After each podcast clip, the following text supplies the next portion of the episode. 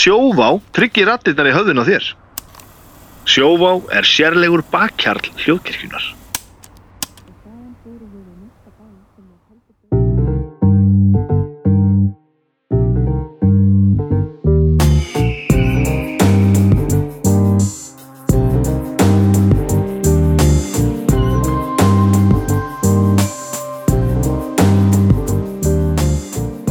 Komið þið sæl og verið velkomin í bestu plötuna.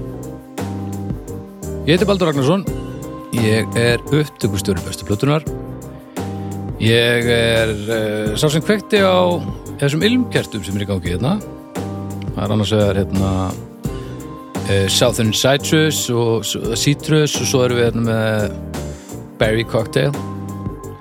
Þannig að við erum í, í uh, sól og sumaril í anda og vissulega regni hlandi og, og mannaskitt e, úti. En við, við gerum þetta bara eins notalegt og mögulegt er. E, hjá mér eru tveir gestir. Það er annars vegar doktor Arnar Eggert e, doktor í tónlistafræðum e, hann er búin að læra svo mikið um músík. Hann er doktor. Þannig að hann má tala um tónlist því að aðri doktorar eins og bara læknar og svona, skurðlæknar með allir alls ekki Nei. skera fyrir þeir eru búin að læra doktorinn. Um, og eru mæta með alveg sóttreinsaðan dúskin í stofuna. Og þess maður geta að- hann eh, Arnar er hérna með dúskin núna, hann á kolloksis að mæta með hann. Já. Gægjaði dúskur, Uh, flottur, fallegur. Toppdúskur uh, Ertu hamingjusamur?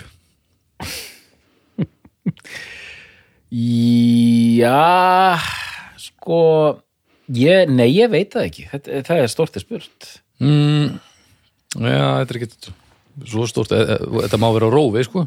Já, ég er, ég er hérna ég er alla jafna nokkuð hamingjusamur Næs. Já, og bara reyna að vera í góðu skapi Já, já, en hvað væri, hvað væri hamingja án reglu, reglulegra depurar, segi ég nú bara. Takk fyrir það Og jú, um, Haukur, Halló blessaður.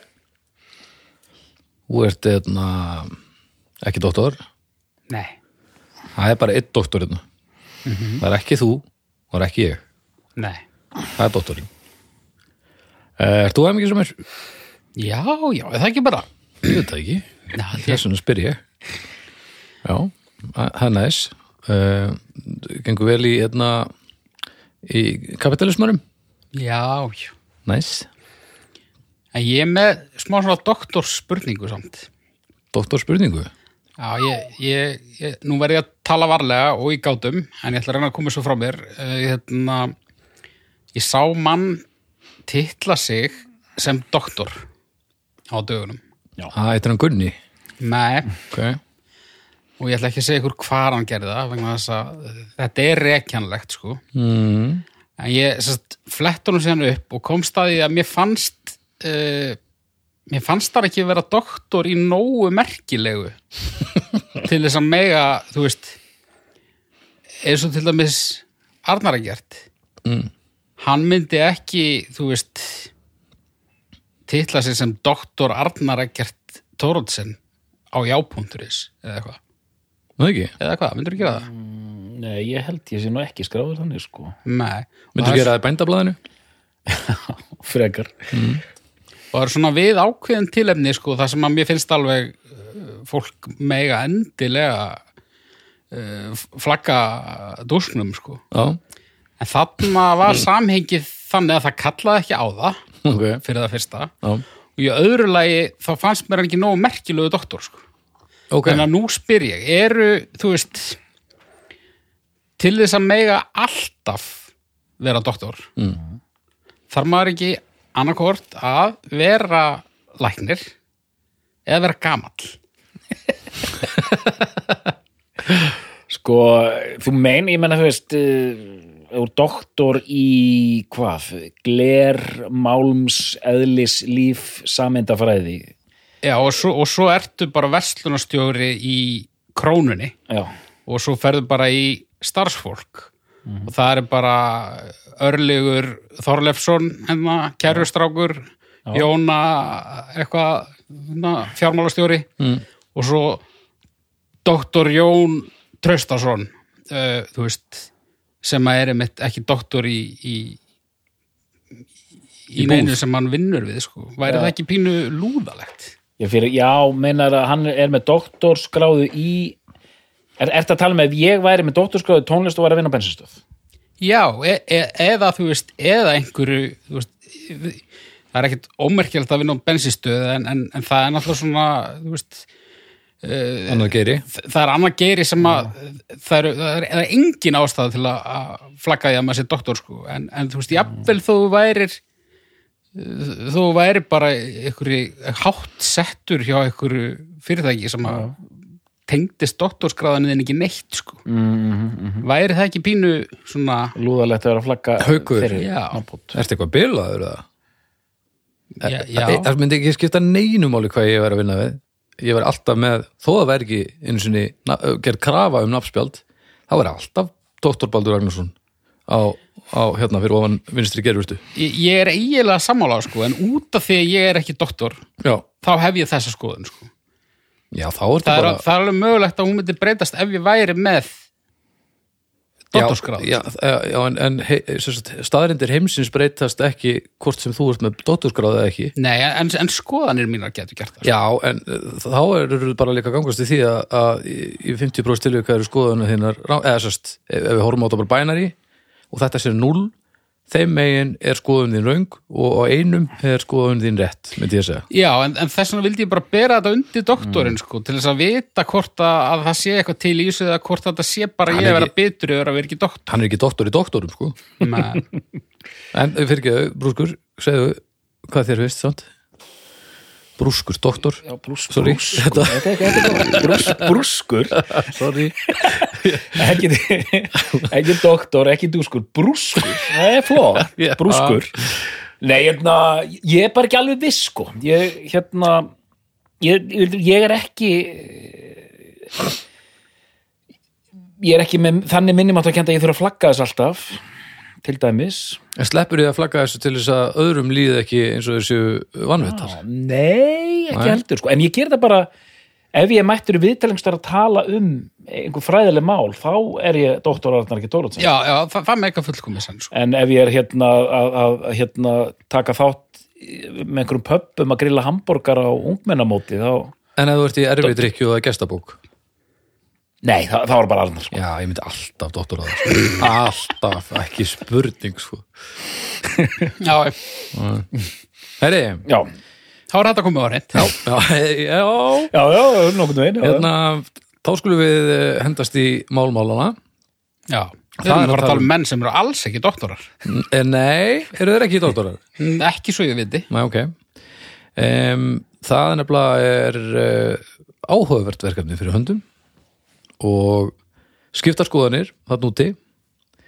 Bæði núna og uh, þegar að hápundurinn var og, og, og já, allt ára á milli. Mm. í dag ætli þið að tala um bestu plötu Limp Bizkit. Ó já, uh, Haukur, þú valdir. Já, ég valdi. Já, sjálfsög valdir þú. Já, já, Býtu að, að sjálfsögðu? Já. Af hverju? að- Rökstundu þetta. Ha, Kóttu með rökstuðning. Af ykkur tveimur? Já, af ykkur tveimur þá ert þú uh, þú ert númetalskunkurinn og bara í aldri ég meina þú, þú miklu nærði að vera á, á móttakilum aldri þegar þetta brestur á. Já. Já, það er aldurinn sko. Ég, og svo þekkið þið bara ég, ég veist, verð að sverja þetta af það, mér er, samt sko. það er það er númetal taug í þér sko. Já. Það er það að- hvernig ætlar að sverja þetta þér Nei, bara ég, ég, var, ég var aldrei limp maður sko. nei, nei, en þú, það, það er stutt í núvitundinu höfði sko. Þegið þú! Í nú, já, já. Sko, Taktu þetta tilbaka. Ég ætla ekki að taka neitt tilbaka það sem er rétt. Jó, jó, ég hlustaði aðeins á, á, á nýþungarokkið á sinni tíma en ég var samt, ég var svolítið pikki sko. já, já, en það er kannski ekki náttúrulega sko. sko þarftu afsökun, hvað meður ég held að við, eh, við erum að tala mikið um þetta sko, Já, vegna þess að það er nefnilega það, þetta er ekki þetta er ekki þetta er ekki einfalt sko. það er alveg sveitaballa fordómar gegn númetal sko. já, já, já, Ég vil meina að í þessum þætti, besta platan, við höfum, það er bara ein númetaljónst sem við höfum tekið fyrir, Korn, ef ég tek sko Slipknot, já, slipnótin og alveg svona. Já, það er svona, að, teka það eins út fyrir svega, en bara svona hardcore, bara straight up númetal, þá var það Korn sem höfum gert. Mm. Ég man, Limp er búin að vera á skjalinu, ég man ekki hver færði þetta inn, en það hefur pínu umræða á umræðahopnum mm.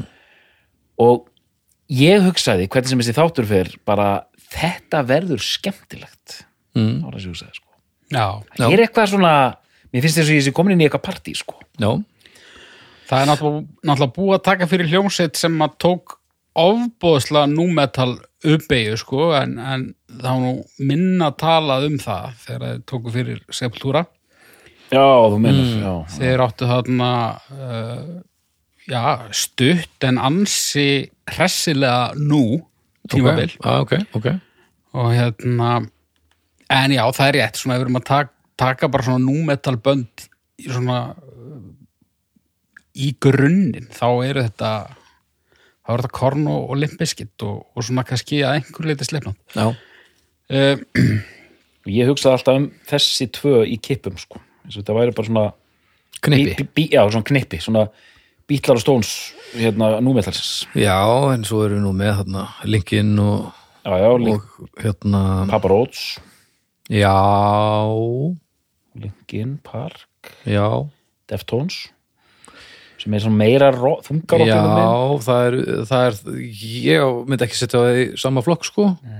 En jú, jú, alveg eins og slipnót svo sem. En, en, en eitt, bara ég ætla að henda þið út, hérna, Korn svona nýtur virðingar, en mér finnst þess að Limp sé svona, menn hlæja þessu bandi, sko. um, en hafa leið í gegnum tíðina en það hefur nú aðeins verið viðsnúningur í því að sumuleiti Já, en svona at the time þá, þá letti þeir uh, svona fengu langmestu gaggrinna Já. fannst manni já, já, já. Eh, Þeir voru ekki tegnir alvarlega? nei, enda, enda tóku þeir sig ekki alvarlega heldur sko. Nei, ég mitt.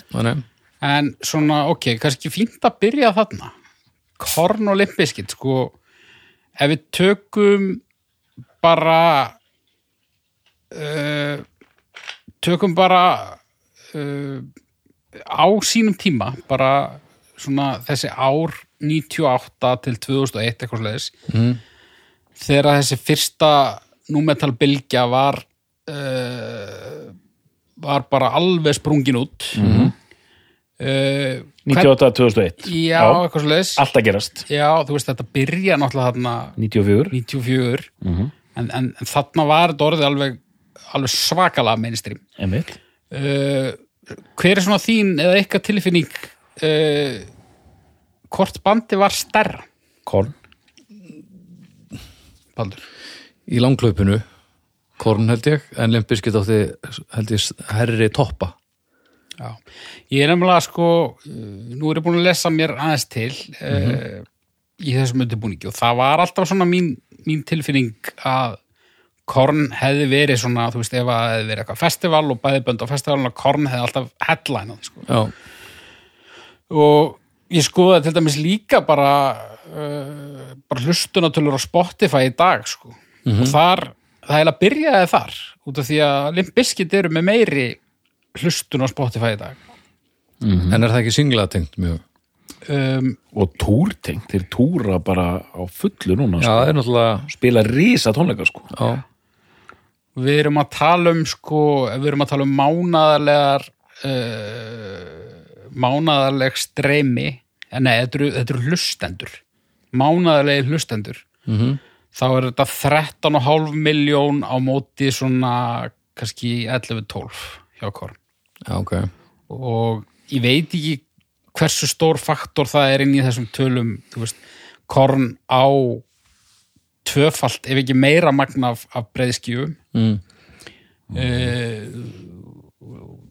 mi- miklu stærri uh, svona útgáfu sarpur og, og náttúrulega lengri tími. Mm uh, og svo fór ég að skoða svona vinsældir á sínum tíma og, og uh, ef við tökum bara Korn áttu heldur margar plötur sem fór í platínu, tvöfalda platínu og alveg upp í fimmfalda platínu sölu í bandaríkjörum mm.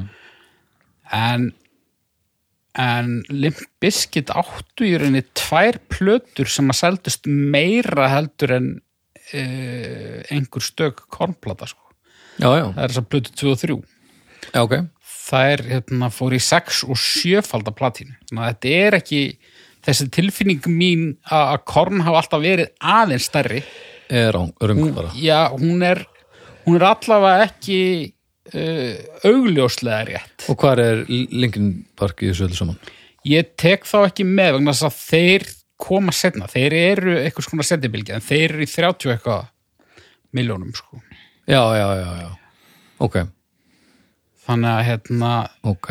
en þú veist en, þeir, Og svo bara svona minni eins og þetta, Incubus og já þá erum við dottnir í 5-6 sko Já, ég vann með þetta eitthvað stað að skrifa hjá mér. Já, uh, og Mansson Mansson og ég, ég fann í rauninni bara er hérna Evangelang Sans Sans Sans inn í þessu? Uh, ég skoða það það er aðeins uh, það er hérna uh, 15-20 mann ekki en, en það er líka kemur aðeins setna, ég var svona að skoða þessi orginal bönd svolítið meira. Okay. Og af þeim, ef við viljum kalla System of a Down númetal þá er það í rauninni eina bandið sem að skákar Limp Bizkit á Spotify uh, af þessum orginal númetalböndum en þetta var, þetta var svona stikkpröfa sem ég tók með endaþarminum á mér System of a Down, já, Er en það, svo má færa rauk fyrir því að það sé ekki reynrættaður númetal Ég hugsa ekki um það sem slíkt en það því ekki að ég ræðis ekki. Nei, þú veist, þeir tilheyrðu náttúrulega uh, bylgjunni, þú veist, voru í þessum kultúr og, og að einhver leiti rýmar músíkin við það sem var, það sem að Korn og, og þær sveitir voru að gera. En, En við skilgjörnum þá Ég líka samt- númetal sem ekki bara eh, þessa sambræðslu á rappi og, og rocki sko, heldur eins og til minnst Deftones og System of a Down sem er meira bara svona straight rock sko. Já, hvað er það sem gerir þetta þá númetal? uh, Hver er samnefnarinn? Vá, gó, mjög góð spurning þetta er svona þetta var einhvern veginn að því þetta er ekki sko nú er hérna þetta er ekki það sem Pantera og, og skildbönd voru að gera það sem er einhverju leiti verið að halda áfram einhvern arf. Það er ný pæling það er, það er þessi hip-hop ekki bara í músikinni heldur líka í klæðnaði. Uh, þetta er hérna undir 2000 uh, það eru öðruvísi texta áherslur einmitt, þetta er svona emo texta áherslur á fullu sko, Já, mér líður svo illa elementið mm sem er öðruvísi en það sem Metallica og Pantera og þetta var að gera þannig sko. Þetta er svona eitthvað svona Revenge of the Nerds hérna blæri yfir þessu sko. En svo náttúrulega eitt sem saminar öll þessi bönd og það er það að Ross Robinson uh, pródúseraði þau ímist eina plötu eða fleiri. Þannig að hljóðheimurinn er að einhverju leiti bindur þessi bönd saman þó að svona mm. númetal magnið sé vissulega misjamt og ég man því ég var að vinna á mokkanum þá var ein þessi sem er hálfpartin svona second wave band Papa Rhodes var rosa vinsælt sko mm það var eitt eða tvö lög sem voru spiluð alveg rosalega mikið sko Heyrðu, þau voru fleiri. Ég Já. tekka á þessu, sko, ég ger eitthvað, eitthvað númetal playlista fyrir eitthvað ræðilega bústaðaferð. og þetta eru fyrstu tíu lögin á This is Papa Rhodes Já, sko, ég nefnilega í minningunni áttu þeir kannski tvö, þrjú lög, sko. Þetta, er, eh, þetta var lag eftir lag, þar sem að, maður var bara, já, alveg rétt. alveg þetta lag Þeir voru miklu, eitthvað neður stærri heldur en uh, ég allavega uppliði í rauntíma, sko. En ég fletti þeim með mitt líka upp sko og þeir er ekki að þeir ná ekki fyrir Limp Bizkit í, í dag sko Nei. en hérna já, já, sko hér er talað um að, að skilgrinningin á njúmetal sé í rauninni uh, þungarokk einhvers konar þungt metal rock blanda við einhver, einhverja áðra tónlistastefnu já, já. eins og hip-hop eða bara alternative sem er bara allur anskotin, funk og industrial og grönd svo allir djúlin já, já, já, ég meina um, dálkjúnað alltaf og þú veist, það var enginni Deftones já, Hvað Deftones eru System of a Down til dæmis? ég veit ekki ég veit ekki hvernig þeir eru stiltir sko en, en þú veist enginn af þessum böndum stiltu í E Nei. ekki þá fyrir en síðar og Deftones sótti svona New Romantic svona djúran feeling sko Já, það er svona aðeins verið að bara hræra upp í og þetta er mjög ameríst. Þetta er nánast, nánast engungu ameríst já, er það ekki? Jú, Drop C tune. Já, það er eitt restband sem maður getur nú allar nefnt þetta er Lost Prophets. Nei mitt en við tókum í kornþættunum alveg góða upptalningu á öllum þessum böndum. Við erum endur taka okkur sko. Ég held það. En uh, það er nú samt aldrei eh, er góð vísa góð númetal vísa og oft kveðin svo skaldið sagði. Jú, jú. Já, einmitt. Ég er bara að velta þessu fyrir mér, ég getur vel verið að fara í gegnum þetta áður en það hefur allavega ekki settið eftir hjá mér. Það er ekki fyrir eitthvað en svo margt annað. En en þetta var mjög ég man ekki eftir ég man ekki eftir stefnu sem var jafn svona það var svo talað svo illum eins og þetta væri bara lélegt sko, bara heilt yfir. Mér varst það svo merkilegt sko. Þetta náttúrulega þótti ómerkilegt Já. tungaróksmegin af því að það var, var verið að nota pop element og hip hop element Já, eitthvað sem var það sem var vinsælast at the time til þess að gera tónlistina að þungarókurum fannst meira aðgengilega. Þegar þetta var einhver samsöða sem að fólk langaði bara til að gera og gleymum ekki núna eftir að tala um íslenskt númetal. Nei. Ok, Var þetta ekki að einhverju leiti eh, svipað og uh, hármetal bylgjan óurlega þú veist um, ég, nú er ég bara svona að, að draga einhverjar álíktanir sko, en, en ég ímynda mér að, að menn sem voru á bólakafi í Motorhead og Metallica hafi ekkit verið að hlusta á Cinderella mikið. Mm. og þú veist, það er einmitt verið að nota þungarokk uh, sem eitthvað skonar uh, tróju hest fyrir uh, mjög mainstream pop. Þetta sé ekki nóg hreint. Já, já ekki nóð þungt sko. Já, og, og ég, ég veit það fyrir vísta að þessi, þessi glesrockbönd uh, nýjunda áratöðurins þau þóttu nú ekki merkileg á sínum tíma ekki af, af svona uh, þeim sem allt vita Nei, nei. En ég náttúrulega, ég, ég upplýði þetta ekki á eigin skinni. Á, já. Spitsign Toy Machine, er þetta upptalið Nei, nei, nei, nei. Hva- hvað er íslensku númetalbönd þú varst í metalcore hljómsveit já, og þú varst í í lagi bara hip-hop eða svona hardcore já, Ég var náttúrulega eiginlega svona einhver liti númetal bandi líka, sko. það var drengir Nei, Víksbá. já, já, já Uh, sem var svona, svona ekki númetall eins og við erum að tala um í þessum þætti. En það var mjög mikið af þungarokki frá þessum tíma uh, var áhrif það, það mátti finna einhver áhrif sko. mm. Náttúrulega sami söngari og í að en, eh, nei, nei, þá eru fleiri en, en, en kannski ekkit sem að, meir hluti hlustenda þekkir sko.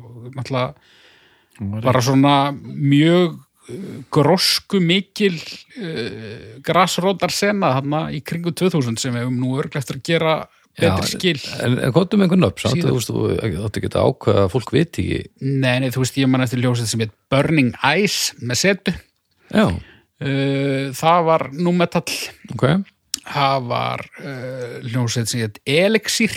Jú, jú.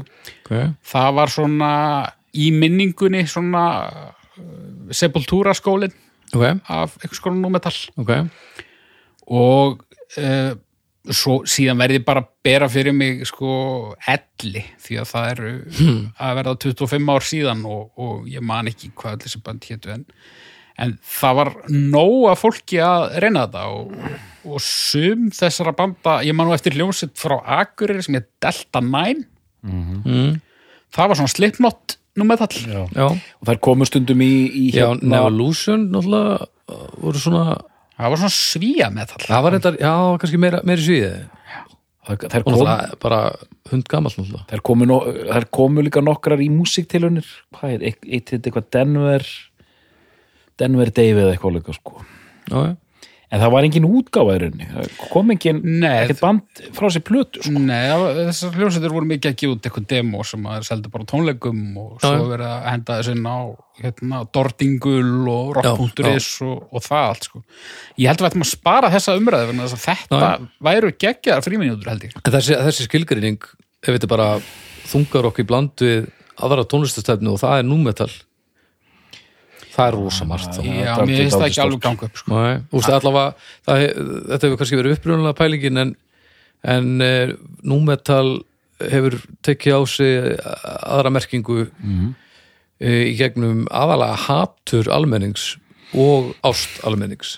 Ég held að einhvern veginn ha- hafa báður þessar fylkingar svona faðmaðat á svitpaðan hátt þannig að við erum með sömu bönd í umræðinni en alveg gjörsanlega aðskilda hópa. Þessi annar hópurinn er bara all-in og finnst þetta indislegt og hinn hópurinn er ennþá tjóðandi yfir að það sé eitthvað helvitis skrats að það Já, ef ekki bara fara til Jacksonville? Ég held það sko. En svo klára þessa umræðu, ég held að ég held að skoðun margra hafi breyst á þessu. Það eru margir sem Já. hlustu á númetal mikið á sínum tíma sem skamma sín fyrir þetta dag. Já, og svo eru aðrir, þú veist, ég meina, jú, ég hlustaði á eitthvað að númetala, en ég, mér fannst Limp Bizkit alveg hryllilega hallarislegir. já, Uh, ég hef svona meira tekið það við sátt já. í setni tíð. það eru margir sem eru að bakka með þetta ofbóðslega hattur á þessu sko En já, Jacksonville, Florida, þeir eru þaðan. Uh, sko, ég, ég kafaði ekki djúft í, í neitt í raunin.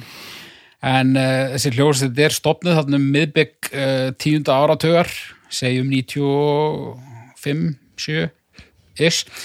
Uh, og þetta eru þeir Fred Durst, söngvari, rappari og, og, og, 94, og sprelli Karl, 94 uh, gítarleikari sem heitir Wes Borland nú er ég að tala um bara svona þetta síkilda line-up sem að hjælt sér helviti lengi sko. Mhm. Og, og í dag er í rauninni það sama line-up í dag og, og var á þessum fyrstu blötum ok. Uh, þó að einhverjir séu þarna alveg í byrjun sem að hérna, heldust úr lestinni. Mm. en er sérst Fred Durst, Wes Borland gítarleikari, John Otto trommuleikari uh, DJ Lethal mm sem er lettneskur plötusnúður. Og hérna og svo bassaleikari sem að ég er mjög stoltur af því að segja ég man ekki hvað heitir. Já, Rivers, eitthvað. Ertu- ekki, ertu stoltur að því? ekki, ekki, ekki Komo samt. Nei, Eitthvað- Sam Rivers. Sam Rivers, já. Já, okay. Nei, ég, ég eyði ekki heila orku í það að leggja minnið á uh, nöfn á einhverjum limbiskitt bassaleikurum þannig að í dag Hvað, hva, hérna, fordóma kemur þú hérna með inn? Er, ertu ekki að fara að gera þetta almennilega? Nei, nei, ég segi nú bara svona út af því að, út af því að hini fjórir voru allir svo mikla fígurur og það er svo, það er svo ljóðrænt að bassaleikar en sé eitthvað sem maður veit ekki hvað heitir. Sko. Ég skil þig. þannig, en þetta gengi er allt komið aftur í dag sem sagt. Já, og fóririnn er aldrei neitt nema bara það að West Borland hætti þarna og var ekki með á einhver einni plötu og kom síðan aftur. Sko. Þannig að þetta er rauninni búið að vera gegnum gangandi sami kjarni e, með þeirri einu undatekningu bara frá byrjun sem er heldur vel gert. Já, það er einhver einn þarna sem er frá 94 til 5 sem að greinlega hættir strax og uh, DJ Lethal uh, kemur 96 og Borland kemur 95 Já. en hinn er stofnað þetta hann 94, já. en já, þeir En ég ætla nú að vona, fyrir ekki, nei? Nei, ég ætla að segja, ég ætla, ég ætla að vona að mér fyrir ekki vist það samt að hæðast að limp biskit í þessum þætti ef ég má það ekki, þá verður lítið fútt í þessu. Já, nei, nei, jú, það er bara að sjálfsögðu máttu það. En, en ég ætla líka að reyna að vera sangjart, sko. En hvað segir þú, dóttor? Nei, sko, þeir fara þarna stað og hérna, það er dálit undir verndarvæng korn sem svona hlutindir fara að gerast Emmitt. Og það er eitthvað eins og bara gerist í öllu svona, það er eitthvað kassetta þarna sem ratar inn á borð til einhvers uh, mógúls Mhm.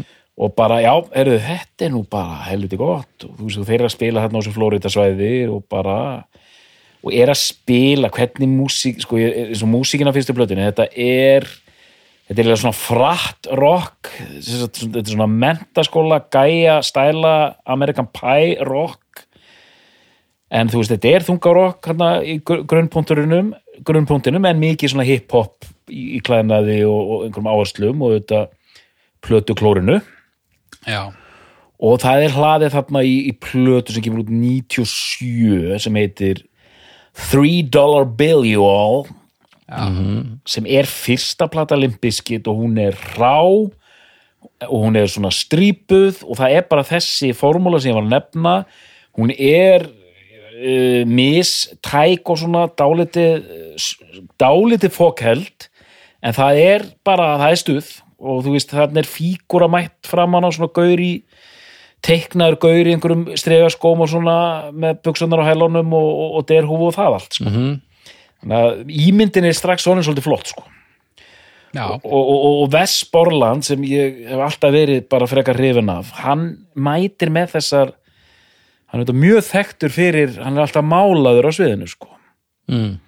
með einhverjar grímur og stundum er hann málaður alveg sko fyrir ofa mitti. Hann kannski alveg málaður alveg svartur og síðan kemur eitthvað hvít og síðan er hann með einhverjar fáránlegar grímur á andlitinu og, þetta er ekkert eitthvað sem er alltaf eins eða svoleiðis? Nei, nei, einmitt, hann svona, hann svona gerir alls konar tvist á þetta. Þeir eru að spila í Japan núna og hann er með einhverja japanska grímu hann á andlitinu.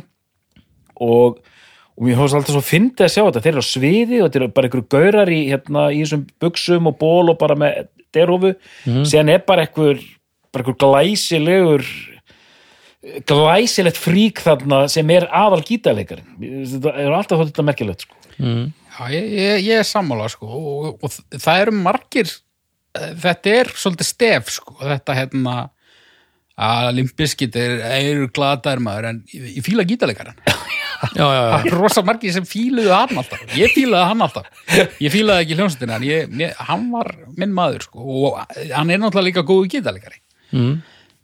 en eh, svo ímyndaði maður sér, sko- ímyndaði maður sér sko, eða þeir hefðu allir verið svona Já, þá væri þetta einhvern veginn glatað sko. Já, það var þetta svona svona slipp fílingur sko. en uh, en eh, svona ef við tölum um bara svona sjónræn einkenni þá er náttúrulega fyrir dörst með það þekktasta sem að er þessi derhúa rauða derhúan sem að var að vísa ekkert alltaf rauð en, en, en uh, það er svona maður, maður, þegar maður hugsa um hann þá hugsa maður um rauða derhúu Mhm. og var bara svona hans treytmark einhvern veginn Mhm.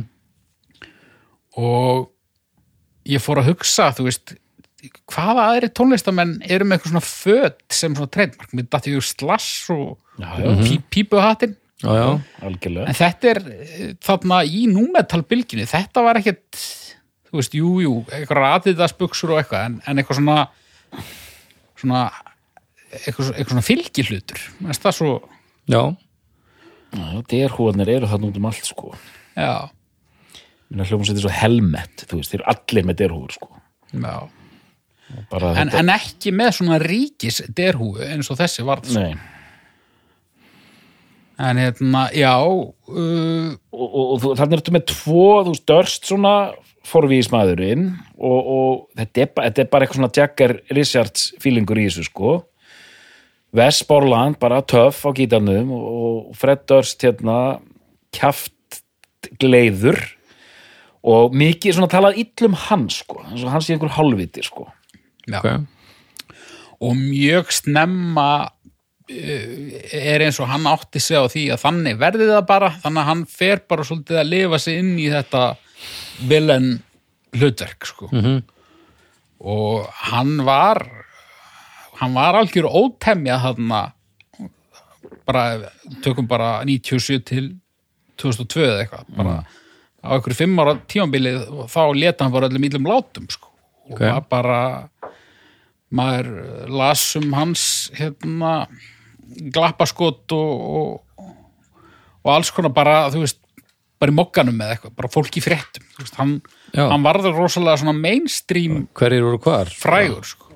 okay. og það kannski eh, þar kristallast svolítið munurinn á Limp Bizkit og, og Korn að Korn var einhvern veginn unit á meðan að Limp Bizkit var svolítið Fred Durst svona, Fred og félagar. Já, Já, þó að við munum eftir West Borland og eitthvað þá, þá svona, ég er að ímynda mig bara svona að standa aðeins utan við þetta.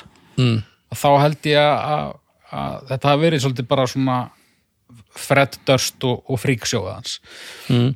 og maður skrifaði held ég einhverjar að hann var efni í svona frétti sem byrja svona það á ekki af Fred Durst að ganga leiðtóa Limp Bizkit. Mm. svona stutt frétt sko. já, já, Því ég, ef ég skrifaði frétt um Oasis já, þá var alltaf sama línan sem byrjaði. Það á ekki af þeim gallakri bræðurum að ganga sko. mm -hmm. skrifaði þetta svona 20 sinum það er bara eina vitið sko. Þannig að já, en en músikinn þessi plata, já, þessi plata, þú veist. Mér finnst ekki droslega skemmtilegt sko. Nei.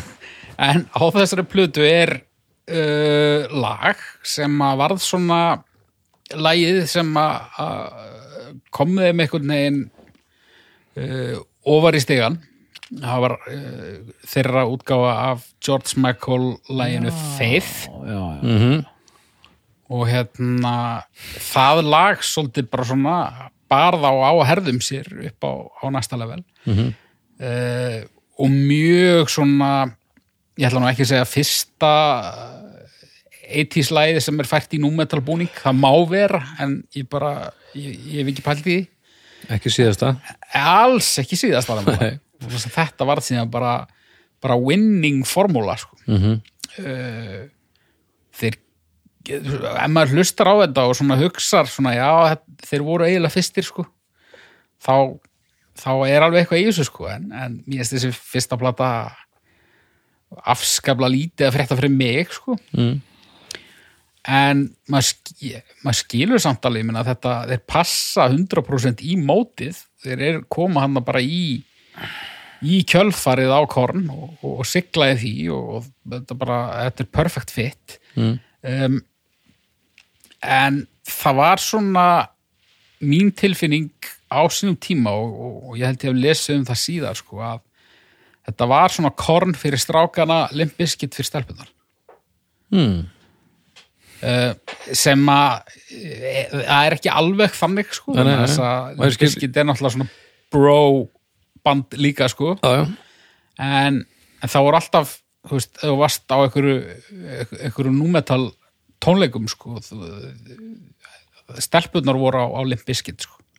Hann eru, eru Linkin Park ekki konum til sögun Nei, nei, nei, nei, nei. Uh, og, og ég veit svo sem ekki hvers vegna þeir voru náttúrulega það var það var svona sterkari hip-hop þefur af Limp Bizkit heldur en til dæmis Korn Mm. en líka bara svona meira stuð eitthvað einn Mm. En er þetta, sko, þú ert 13 ára, þú ert hérna 17, já, Mhm. Ta- verði varir við þetta? já, absolutt Já, já, ég verði að vera það líka, sko en það er nú næsta plata sem að er Já, sem að svona já. já, gjössanlega uh, þá fer út um allt já, Significant Other, já. 98.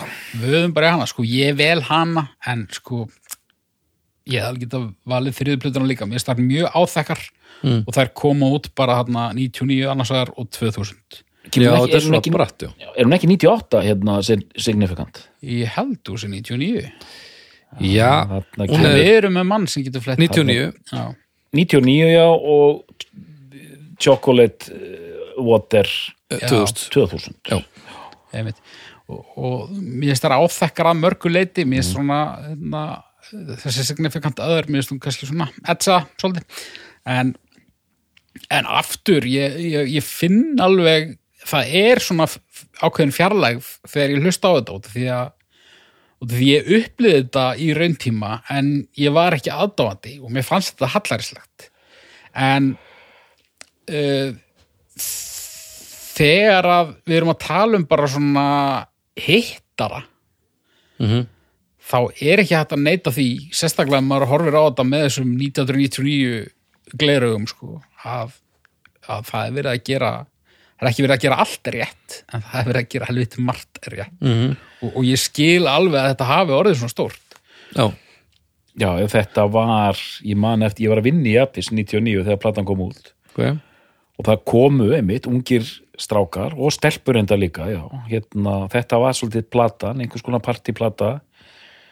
Og þú veist þessi áratugur, ég man svo vel eftir ef maður var að keira eitthvert þá með vinur sínum þá var svona brotin significant other geisladiskur á, á gúmimóttinu sko.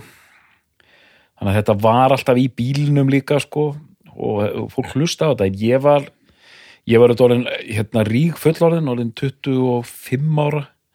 Ég var svolítið búin með að uppgöta, eða þú veist, ég gæti ekki farið inn í þetta eins og þið sko. Nei, nei. Og, en ég, ég man samt ekki eftir að ég væri ég var ekkert svona með einhvern ímugust bara djöður þetta hallarslegt, það var ekki þannig. Ég meina, ég man að follow the leader, þú veist, kom hann út uh, hérna 98, ætla ég að þóra að segja. Það er rétt. og þessi kom út 99 og ég var einhvern veginn, ég bara á milli einhvern veginn, ég bara, ég, ég fór ekkert óða ekkert inn í þetta en et, þetta var ekkert að pyrra minn eitt heldur afskaplega mikið, sko Nei, ég, ég hugsa líka að það hefði pyrrað mig uh, lítið sem ekkert ef ekki hefði verið fyrir Fred Durst maður, veginn- maður var bara tilneittur að hafa skoðun á Fred Durst og, skoðun mín á Fred Durst á þessum tíma var bara svo að hann væri hálfviti en uh, málið er flóknara en svo mm. en hann hins vegar gerði ímislegt og sagði sem að benda til þess að og svo má ekki glema því sko þegar þetta er er hann að verða 30 ára? Já, Já, er hann hundaður? Já, hann er 71 mótel, ef ég maður rétt. 70 70, hann já, er bara já háaldraður maður. Hann er bara svipum aldur og ég þegar þetta er bröst á. Þa, það, það er ótrúlega skrítið. Það, já, já. Eh, einhvern veginn, þú veist, ekkit, ekkit að því að þrítjur menn séu að spila eitthvað þungarokk, sko, en, en því að hann, hann var svo all in í, í þessum fígur og látum, sko. Já, já, já. En, en, en, sko aðeins að rammin sko það er rosa breyting á milli 3 dollar bill you all og significant other. Það er miklu betri upptaka. Hljómurinn Terry Date, mættur. já það er búið að hérna gljáfæja þetta alveg án þess að missa einhvern kraft það er bara, það er verið að miða á, á markaðinn sko og það tekst. Og þannig eru komin það eru hittara þarna svona eh, stuð sprelli númetalög.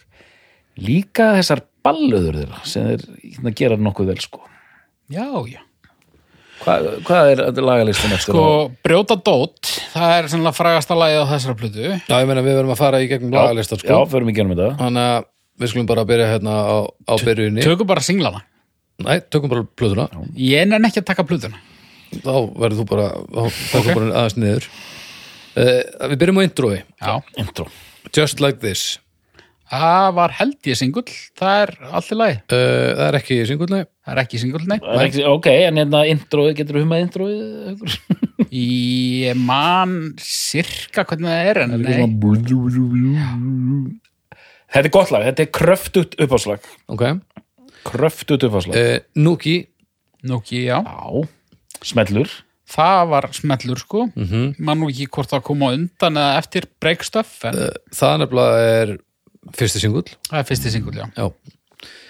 Svo kemur Breakstuff Já, djú. Já, það er ekkit verið að Það spara. er aldeilis farið hrætt að þarna sko. Það er fjórði singull. Það er fjórði singull, já. Jöp uh, Kemur ekki út sko fyrir inn í, í að releasað sem singli í mæ 2000 Það er bara svoleiðis. Uh, Ok. Rearranged. Já, það er ballaða. Já, er það ekki hann að.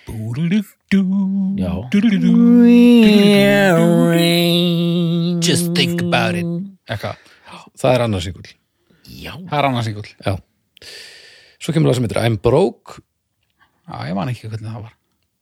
Uh, Svo kemur Nobody Like You með Jonathan Davis. Já, Já, og Scott Wieland Don't Go Off Wandering. 1999 allt ásanlega lög sko. And Together Now. Með Method Man. Með Method Man, það er þriði singull. Það er þriði singull, já. Já. Ok. svo kemur Trust með spurningumarki Trust. No Sex Show Me What You Got, A Lesson Learned og Outro og svo kemur eftir því Hidden Track það sem að Les Claypool uh, töður eitthvað Einmitt.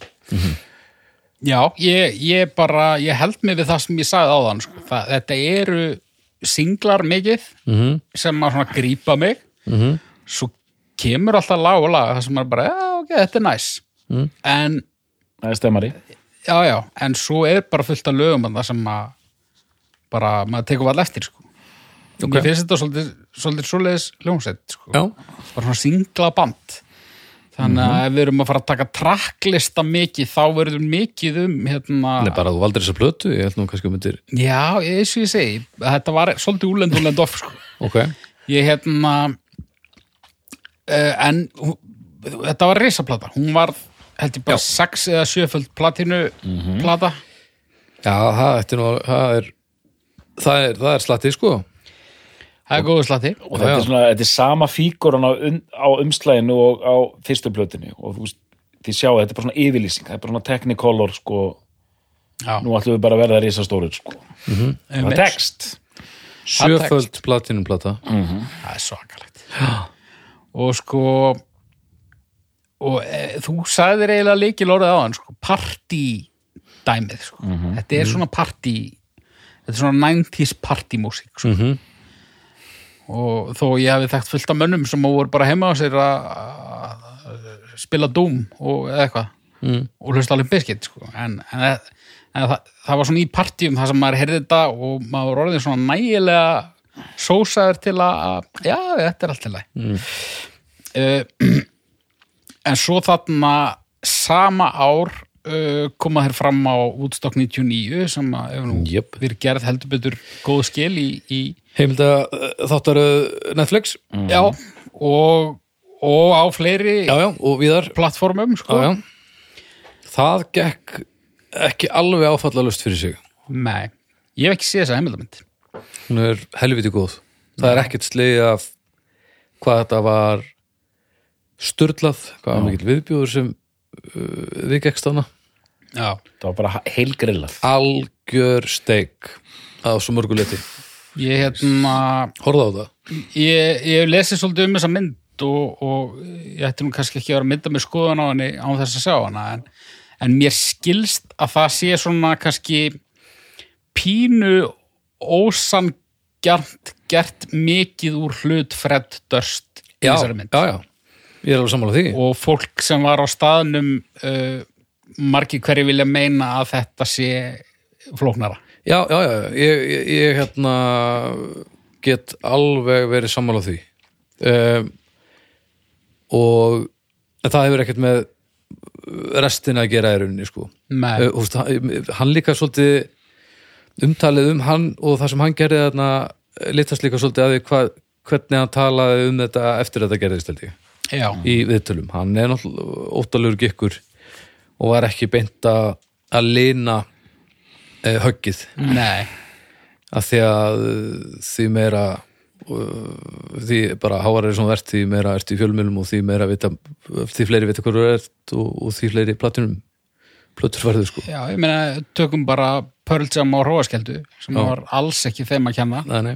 en þar var allavega einhvers konar auðmíkt þrátt fyrir að þeir berðu enga ábyrð á þessu. Já, já, og verið að tala um hlutina virðingu en þú veist en hérna, ha, eh, sko ef þú ert beðin um að koma að það og spila og þú ert á einhverju sviði sem er lengst uppi ég held að ég ætla að gefa mér það að þú ert ekki beinum tengingum við ógiði sem er í gangi þarna. Alls ekki. Þú sér hafsjó af fólki og þú ert bara svolítið að reyna að keira þetta eins langt og þú getur í stuði.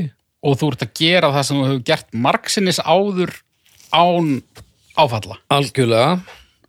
Uh, ég, ég man ekki nákvæmlega hvort að hann heldur áfram eftir að, að þetta náttúrulega endar bara í það er bara að vera að rífast niður og svo náttúrulega bara kveikt í öllu og allt í steg Já. ég man ekkert hvort að þetta eitthvað svona overlappaði sko.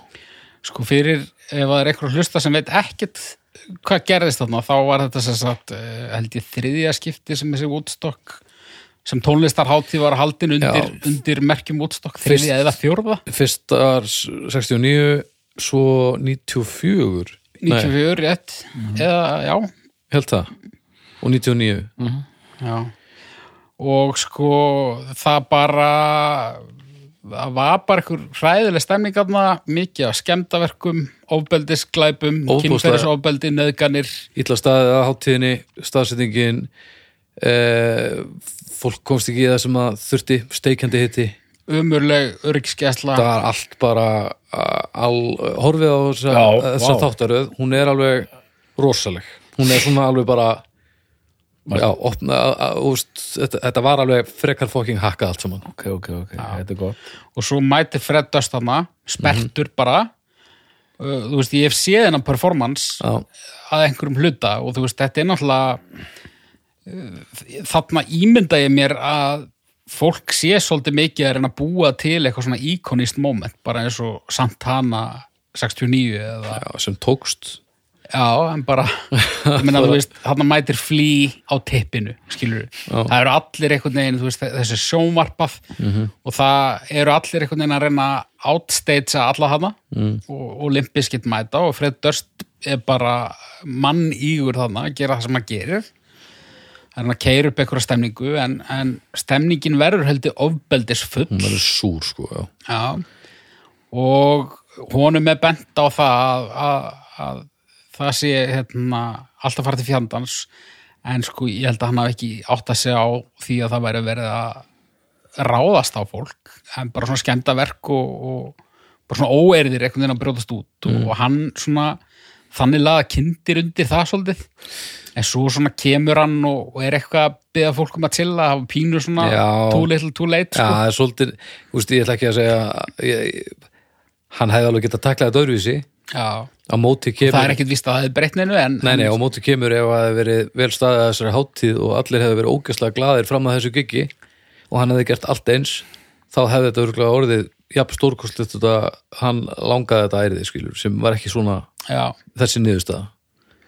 En hvort hann hefði getið tekið aðra ákvarðinu, þú veist það auðvitað. Eh, er, er, en ég hef aldrei staðið fyrir framann svona marga. Ég hef alveg staðið fyrir framann marga og maður næri ekki beint maður næri svona uh, maður næri svona heldarstemmara maður er ekkert að fara í skiljið hvað ég menna já, ég meina við vorum með besta platan live og þá mættu svona 50 manns og ég veit ekkit hvað var að gerast þannig að ef það væri 50.000 ég get ekki ímynda mér að ég þú en þú veist uh, já, þannig að þetta er bara það er og svo var það verið, það verið að einhver, einhverjar plötur utan að einhverjum turnið þarna og Já, já.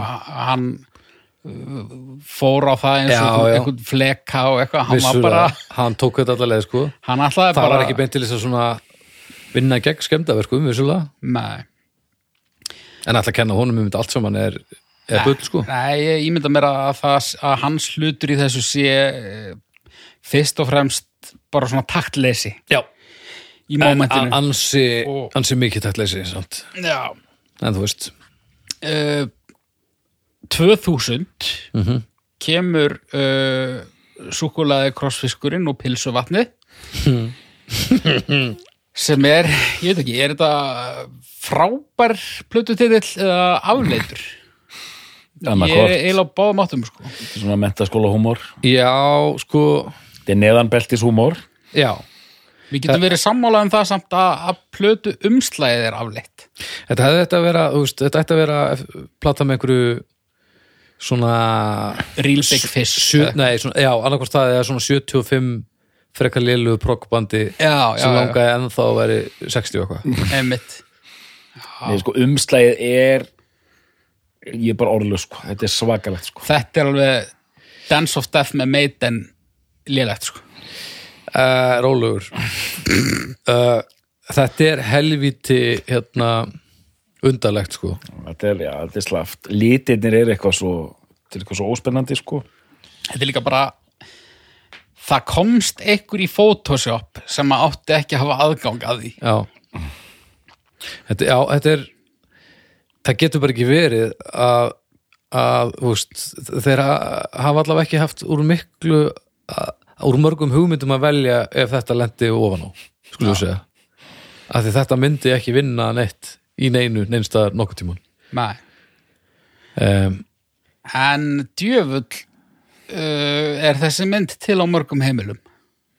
Því að þessi plata sældist ævintýralega. Já Já, já Og þannig eru singlar. Hvað, býtum við, hvað fór hún í við skulum sjá hérna mm, Já, sexfaldaplatinum en sko þrefaldaplatinum í, á Bretlandsegjum eh, sexfaldaplatinum í Kanada, fimmfaldaplatinum Ástralju Þetta er, þetta er alveg hittari sko. Djöfull finnst mér skrítið að englendingurinn hafi verið að kaupa. Hvað var það? Já. Já, hann hefur bara glift sér. Þannig er þarna Rollin, rollin, rollin að því að sko síðasta plata fór bara, fór bara í platinum. Já, þetta er rosalegt sko. En en þarna er líka að byrja rosa baklas sko, ég var að lesa einhverja gaggrinni á sínum tíma og fólki þótt þetta nú ekki í fýtt papír. Ok, Nei, það var bara fólk var bara, ég fannst þetta eitthvað hallarslegt og glata og, og, og hérna. Þá í samhengi við fyrir verk. Já, og svona en síðan hlustaði ég á plötuna núna og ég sammála því sem Haukur segir að þetta er þetta er ekkert langt frá hafna, hérna significant áður, þetta er bara stemningsplata og bara þetta er bara fínasta limp en þannig er ég samt alveg hættur að hlusta sko hlustaður Á sínum tíma. Já, hlustaður plötun undan ég, já, ég hlustaði á sig- significant áður Já, þarna hef ég engan áhuga lengur sko. ég er bara fann að hlusta á skilur mínus og kóalesk og eitthvað svona sko. Og náttúrulega líka á þessum tímapunkti það var, það var búið að sko hjakka svo mikið á þessum singlum að plötuna undan á MTV og, og víðar mm. að allavega ég var bara sko, þrátt fyrir að vera ekki einu svona aðdáðandi ég var bara mettur, Mettur, ég, ég þurfti ekki meira limbiskinn sko. en fekk það enga síður og, og, og ég man það einmitt að þarna var ég bara jæja en svo hlusta maður á þetta í dag og þetta er bara þessi plata er bara rosa áþekk sko. Singlandir, fyrsti singull í júli uh, 3. júli 2000 mm. hvenær sagður að síðasti singull af plötun undan hefði verið? Mæ uh, hann var í uh, já, annan mæ 2000 það er ekkert breyk. Þetta er öflugt. Nei, það, það er, ég meina það er þarna hvenær ætli þessi sér tekinu upp í drúmi um, Látum okkur sjá. Uh, það stendur ekki hérna allavega, ég skal teka það eftir Fyrsti singull er í júli 3. júli 2000, það er Take a Look Around já Eh, það er hérna Mission Impossible lagið eða ekki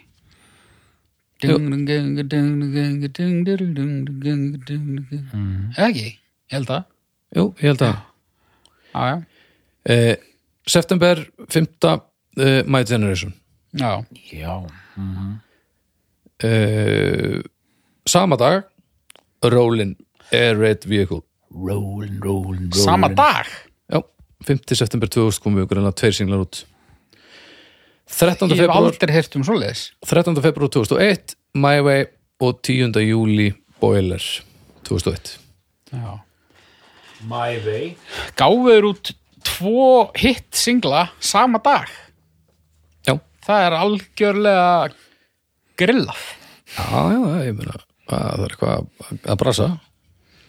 My Way, My Way, or the Highway. Maður heyrið það samt á þessari plötu að, að sko uh, dörst ismatnir í röddinni mm hann er farin að íkja þá sko. þetta er orðið alveg bara svona hann er alveg komið lengst hann upp í einhverjum, skrækjum sko. Uh, þannig að það er verið að er verið að taka þessi uh, einkenni hljómsveitarinnar og skrúfa allt einhvern veginn upp í allu mm þannig að svona á köplum og, og þess vegna vel ég frekar plötun utan á köplum finnst mér þetta of mikið. Finnst þeir svona of mikið að reyna það en singlarnir eru bara eins og plötun utan þeir eru bara heldur öflugir sko. þetta er ekki mín músík en ég ætla ekki að sitja hér og vera með einhverju yfirlýsingar um það að lagið Rolling sé uh, algjörlega óverjandi lag sko. mm. Hvað hva gekk á í rólinn? Nei, bara, þú veist það er bara partísmellur, skilur Já, já, uh, Gekka stuð og þarna við hefðum nú svo sem alveg geta tekið þá umræðu með plötuna undan líka en, en, en kannski enn frekar þarna að þannig er tónlistabitböndin farin að þú veist, það var alltaf rosa stór hluti af þessu. Mm. og Fred Durst er að leikstýra mörgum af þessum myndböndum. Ok. Og hefur leikstýrt eitthvað slatta bæði af tónlistamindböndum og hann hefur verið að gera eitthvað bíómyndi líka. Hann náði nú ekki að verða eitthvað Hollywood A leikstjóri eins og ég held að hann hafi viljað. Ok, en hérna en hann virðist kunna sitt hvað fyrir sér þannig að þessi myndbönd þóttu góð og, og voru sum hver hansi eftirminnileg hvernig heldustu? ég veit það ekki, ég rifjaði þau ekki upp sko Ok, en, Ég horfði á eitt myndband og þetta var bara svona, þú veist eins og öll þessi myndband eru, þeir eru á einhverju sviði og hoppandi og eitthvað fólk að það lasta þarna fyrir þeim, sko. Já, en svo er líka svona sprell í þessu og Já, það já. er einhver, eitthvað frækt fólk í einhverjum cameos og, Já, ok. og eitthvað svona. Herið hlustendur þið, hérna, það er bara eitt myndband á mann en endilega deiliði sinna á hópin þannig að maður geti hérna, skoða þetta umræða hópin altså uh, besta platan umræða hópur Facebook. Og þetta er svo mikið bara e, þú veist hérna, endirinn á misserinu amerísk partístöðu tónlist sko, einhvern veginn. Mhm. ég fæ alveg þannig anda sko þetta er, þú veist, þetta er mjög rosa amerísk músík sko. Já. síðasti skóladagurinn og við ætlum að vera helluð. Spring Break. Fratbói elementið sko. Já, það er þarna alveg á miljón sko. Og þannig að þetta er líka ólíkar hljómsveitir. Þú veist, Korn er svona ég ætla að vera einnin í herbergi. Mikil sálarangist. Einmitt, sálarangist, ég ætla að slökka ljósin og en samt meira grúandi sálarangist en til dæmis á Deftones. Já, þú, þú, já. þú er náttúrulega bara inn í skáp þar sko. Eða þú veist, þú ert bara undir rúmi. Nákvæmlega. Og þú veist, ég ætla að gráta smá í myrkuru herbergi, Korn en á meðan Limp Bizkit er bara hvað er partíð? já, já Korn er meira svona, ég ætla að vera einn og horfa á alien myndirnar. Já, á meðan Limpiskit er bara að skalla vegg með vinnum mínum. Já. ja, þetta, er, þetta er mjög ólíkt sko. Hérna, og þessi stemning sko, ég man eftir svona partjum já, já. ég tengi þessa tónlist við svona partí sem að ég var í. Og ég er ekkert einu svona að djóka sko. hvernig plummaður í þessum partíum? Ég bara manna það ekki. Ég veit örgla bara eins og ég í partíum frá upphafi. Bara, ég enda bara í eldhúsinu að spjalla við eitthvað um eitthvað lúðalegt. Sko, ef þetta er alveg svona partí þá er það ekki valmöguleiki. Já, ég var allavega ekki að eitthvað býrponga mig upp neitt þannig eini Nei, ok, enda þú inn í eldursunni með föður partíhaldar hans að tala um sláttuvílar já, það er ekkit óhugsandi sko. mm. en Á, þú veist, ég man eftir einu svona já, ekki, maður á ekki að segja svona sögur sko. maður á að gera það, segðu Man- man eftir einhverju partí, ég man ekki einu svona hver hjælt þetta það enginn, gotum með það það var einhver hérna, það, það var einhver box viður ég veit ekki, þetta er ég veit ekki hvaða ár þetta var sko. Bubbi, Ómar og Hemmi að lýsa örglega ah, og ég var inn í eldhúsinu að tala við eitthvað sko og það var bara allur nú með allir í búið, ég man að hafa verið að hlusta á Papa Roach til dæmis. Ok, og svo allt í henni heyri ég svona oi, oi, eitthvað. Og þá fer ég inn í eitthvað herbergi og það eru hópur af mönnum búin að sapnast saman í kringum eitthvað svona, eitthvað svona borðtölvu. Mm. og það, það var eitthvað með svona stutta klipp úr eitthvað kúkaklámi þetta er mest stereotypiskasta svona partí sem ég hef heyrt. Ég veit það. Bara eitthvað bara ei, ei, að ég sé hérna tæði svona spýta út úr sér Holyfield eiranu og, og uh, eitthvað two girls one cup bara Já. í græðin bara oi, spila oi, eitthvað. Wow. Já, og, og Papa Róts sér um Já, og ég að tala um eitthvað við mat? Já, þetta er rosalegt já, já, ok, þetta er gott, þetta er góð mynd. Svona var þetta. Já Þetta var svona Þetta var svona þessi fílingur bara færður yfir á íslenskan grámóskulegan raunveruleika já, í kringum aldamót. Já, en, en, en nú fer gaman eða kárna Já, þetta er svona fyrir aðeins að fyrir aðeins að fjara undan. út sko, og þessi fær uh, blendna dóma. Ok, Já, eh, svona hún hefur stundum verið nefnd bara eina bestu plötum 2000 mm. þungarokks plötum og sumir segja bara þetta sé augljóslega þeir að dæla út annari plötu og meðan mómentið er í gangi. Já sem ég heldur hafi verið að gera sko. Já en ég meina en ef, ef vel, hún er ógeðslega góð og skiptir engum máli hver hvað þeir var þú veist, Já. það er alveg hægt að semja frábæra plötu mjög hratt sko, ef maður hittir á það Mér finnst ekki teljandi munur á, þú veist, ég heyri ekki breikstöf og finnst það að vera eitthvað eitthvað mörgum levelum betra heldur en rollin eða eitthvað. Mér Ok. finnst það voða svipa, það má segja þessi að einhver leita að endur taka sig okay. en hérna en þeir eru ennþá með uh, nef fyrir húkum já, það er ekki hægt að saka þá um að, að, að hérna, þetta séu bara einhverju fillerar sko burt sér frá því hversu vel maður fílar tónlistina í grunninn. En, en það er rétt sem doktor segir að, að þarna er þetta svona klárast sko. og þarna er þessi setni bylgja komin af stað þú veist, Linkin Park platan fyrsta, ég held Já. að hún komi út 99, ef maður rétt. Ok, eða 2000 ok. Og þannig er að dettin þú veist, Disturbed og, já, já. Paparazzo þetta dótt sem að svona, Adima. Já, Static X Static X já. Godsmack Já, já. já, þetta er svona, ef maður skoðar þetta bara í mánuðum og árum þá er þetta ekki þetta er ekki langur tími þannig á milli þessara tveggja bylgna ef, að, ef við viljum skilgreina það þannig en þetta var samt nægilega langur tími til þess að fólk sem að var all in í þessari fyrstu númetalbylgju Mm. Það hafði minni áhuga á böndum eins og Linkin Park.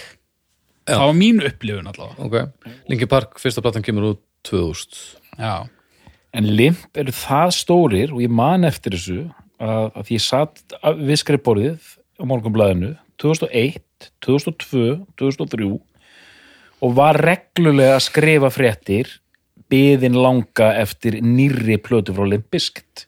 já, Þannig að fólk var alveg, það var ekkert búið að gefa upp á bátinn eða neitt þannig, var bara svona hvað er að fara að gerast, er eitthvað að fara að koma út? Er, er, er ekkert að fara að koma út? Wes Borland hættir í bandinu mm. og Dörst bara dregur á flot bara einhverja. Gítarleikari sem var í snott er, er ráðinn. Já er, er, er fjórðaplatan platan sem Borland er ekki á? Ég held að það væri fymta Nei, það er þessi hérna Results may vary. Já, ok, niðurstöður gætu verið flögtandi akkurat og þannig eru menn bara komnir í einhver vandræði og Dörst þar svona draga vagnin er hann allt í öllu, spila smá gítar sjálfur mér ég að segja sko. Og bara svona heldur hérna heldur uh, heldur svona þessu skipi á floti ég man ekki hvort það var skipt alveg út öllu bandinu en það, ég man bara þegar fyrsta kynningaljósmyndin af hérna nýja bandinu það, mér fannst þetta að vera gamlir kallar þeir litu út eins og hérna mýmið fræga með honum hérna Steve Buscemi Hello Já. fellow kids Já, nei, það- ég, ég held að eina mannabreitingin á milli, þú veist, frá fyrstu plötu sé bara þessi eina plata sem Borland var ekki á, sko. já, hann, hann hættir hérna 2002 lok árskareinlega þar kemur einhver Mike Smith inn í smá tíma já, já. og, Mike Smith já. og uh, er þarna í smá stund og þá er Dörst aðeins á gítarnum en það er bara í árið eitthvað sko og svo kemur Borland aftur bara og, Djúvillig fyndi hann heiti Mike Smith. já, Bara mesta bara stokknafn sem er til. svo er eitt og hálft ár já. og svo ekkert Borland stopnar band með bróður sinnum sem heitir Eat the Day. Eat the Day? Já. okay. komu nú engu út þegar það voru starfandi en það komu út tvær plötur bara löngu síðar. Já, um, og síðan er Borland bara eitthvað að borlandast og uh, sko, það komi, kemur einhver EP-plata en það kemur þeir endur reysa sig bandið, það er bara tvær hljóðvarsplöturinn sem koma í viðbót sko, Þrjár.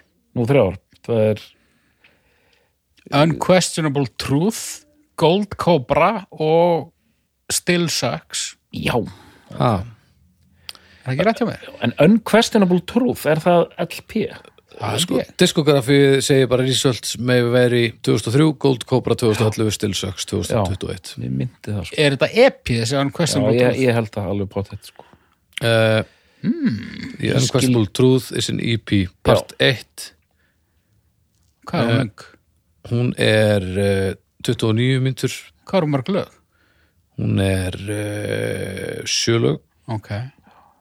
þeir, Já, þeir skilgjara þetta sem EP sko já, Já, já. og já, Ég, ég er, er að fá fréttir hérna bara í benni. og beinni þetta er hérna part 1 en ég sé nú ekki að part 2 hafi nokkuð tímann verið verið Já, gerð við býðum bara já, það er nú eftir býðum spenntir.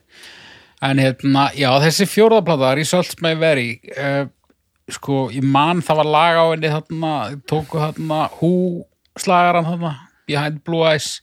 já, Það var nú alveg slatta spilað. Já, já, Þannig að þetta Það var, var nú ekki, útvarpslag. þetta var ekki algjör fíluferð hjá þeim, sko. nei, nei, nei, nei það var útvarslag En þar þar kemur eh, til sögunar element í limpiskitt sem mér finnst ekki fara þeim vel og það er að taka sér alvarlega. Ok.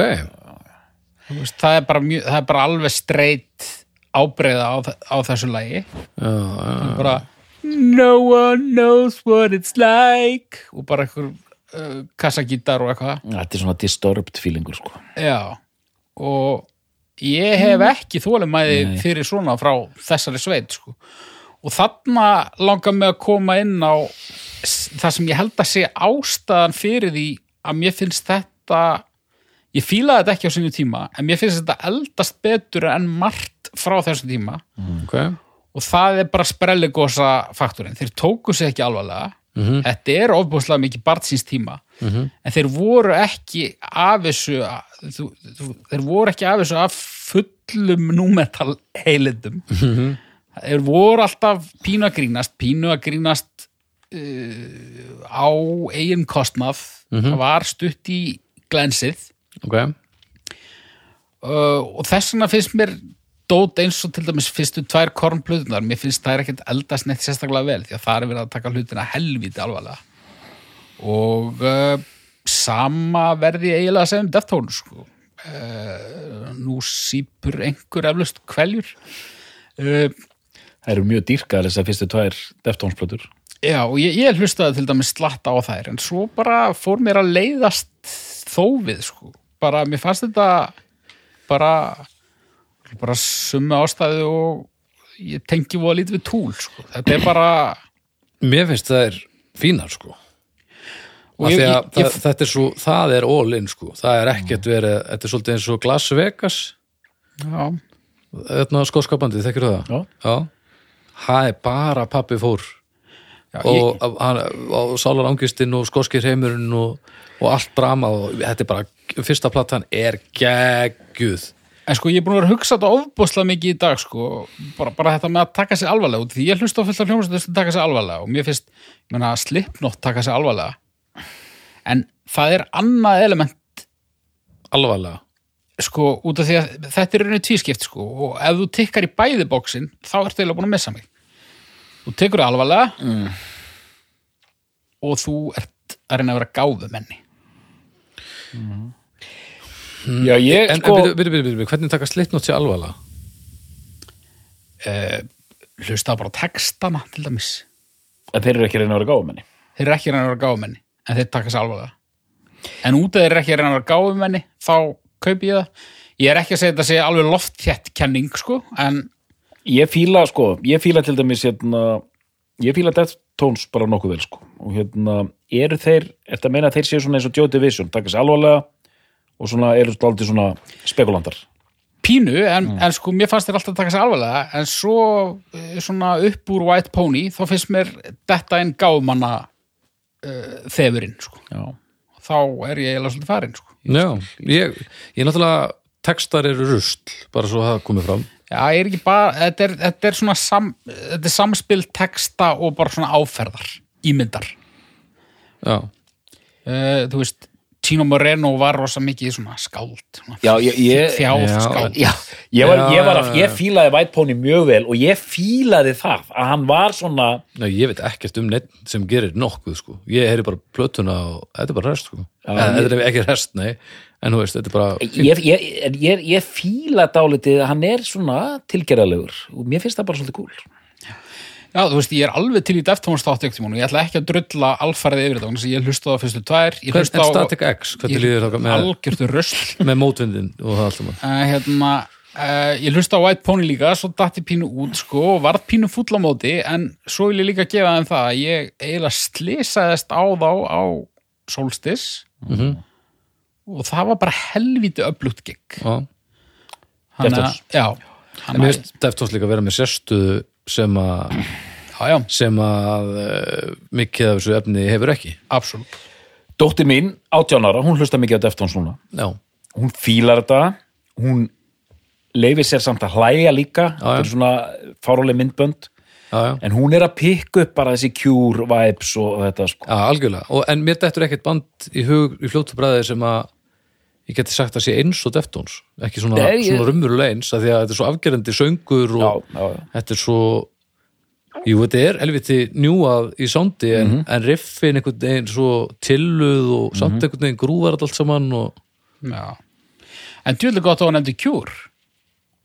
Gáfu menni taka sig ekki alvarlega. næ, En á yfirborðinu er eins og þeir gera það, já, já. en þeir gera það ekki.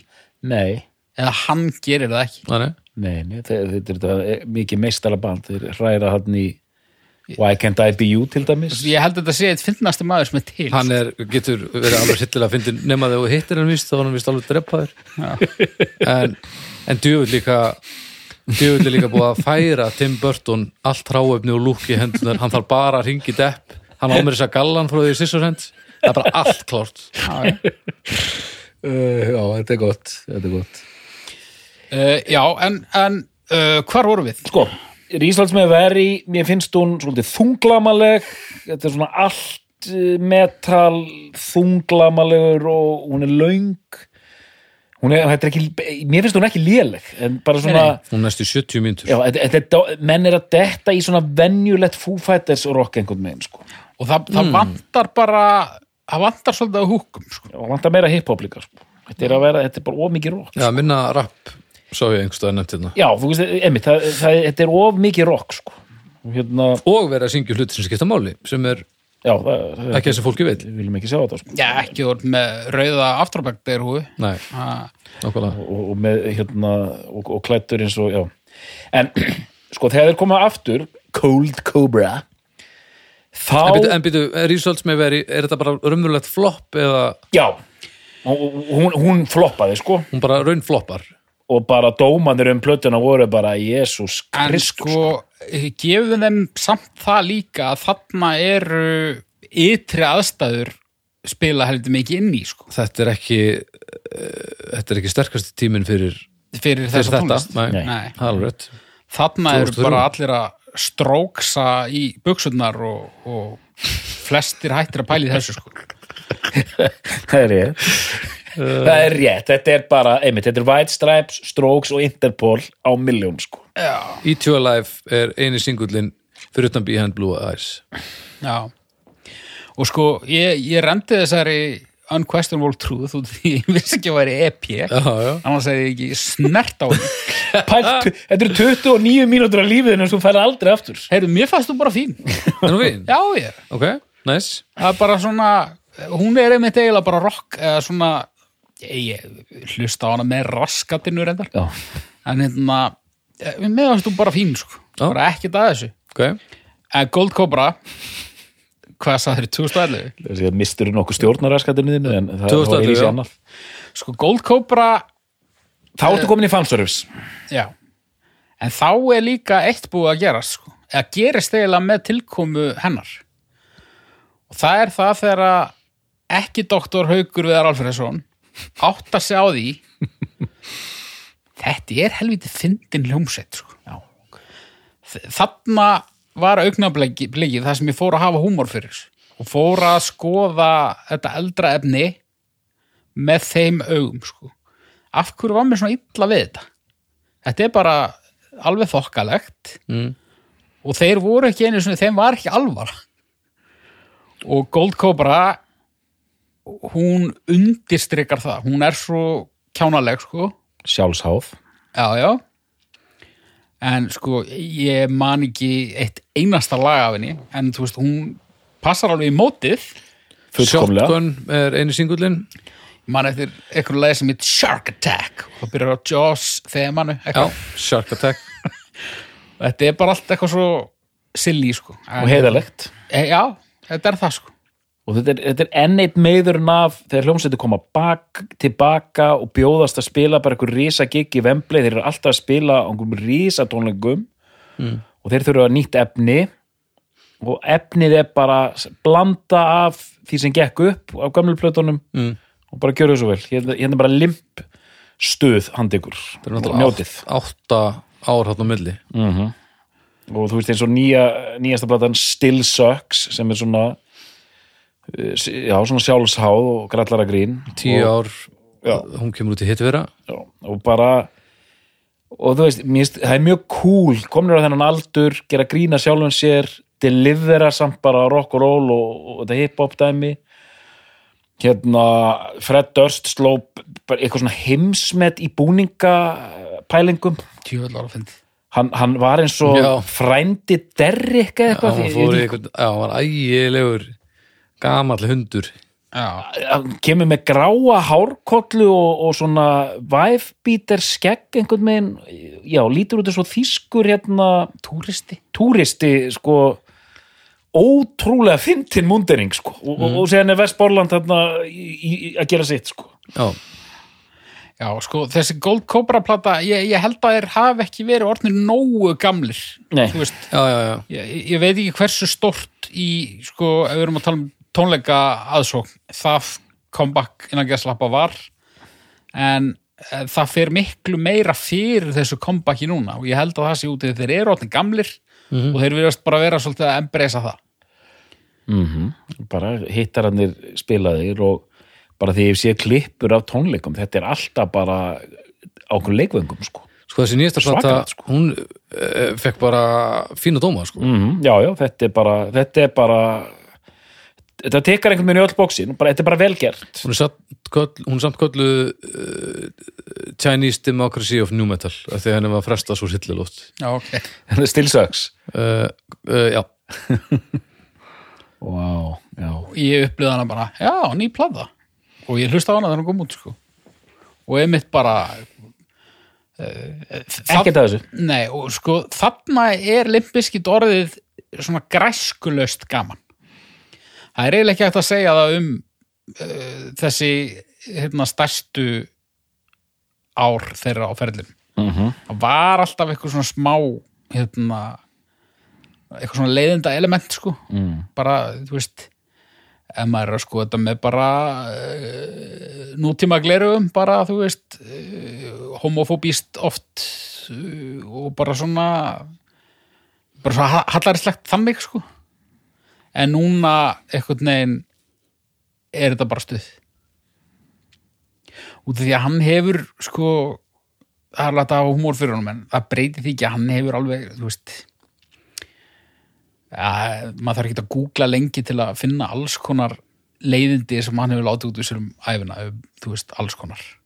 En það var svo sem ekki að koma neinum á óvart, þú veist þetta er byggt á þessum frattbói grunni en þess vegna finnst mér svo skrítið hvað hann var gamall.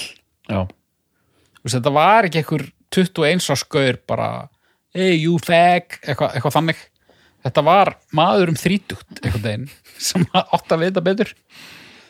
En svo er náttúrulega bara önnur umræða bara bara svona landslægið í kringum hennar númetal var mjög súr ef maður skoðar hluti eins og hérna bara svona vera að smætta minnur hlutu að hópa og ímest fleira sko. Mm. en hérna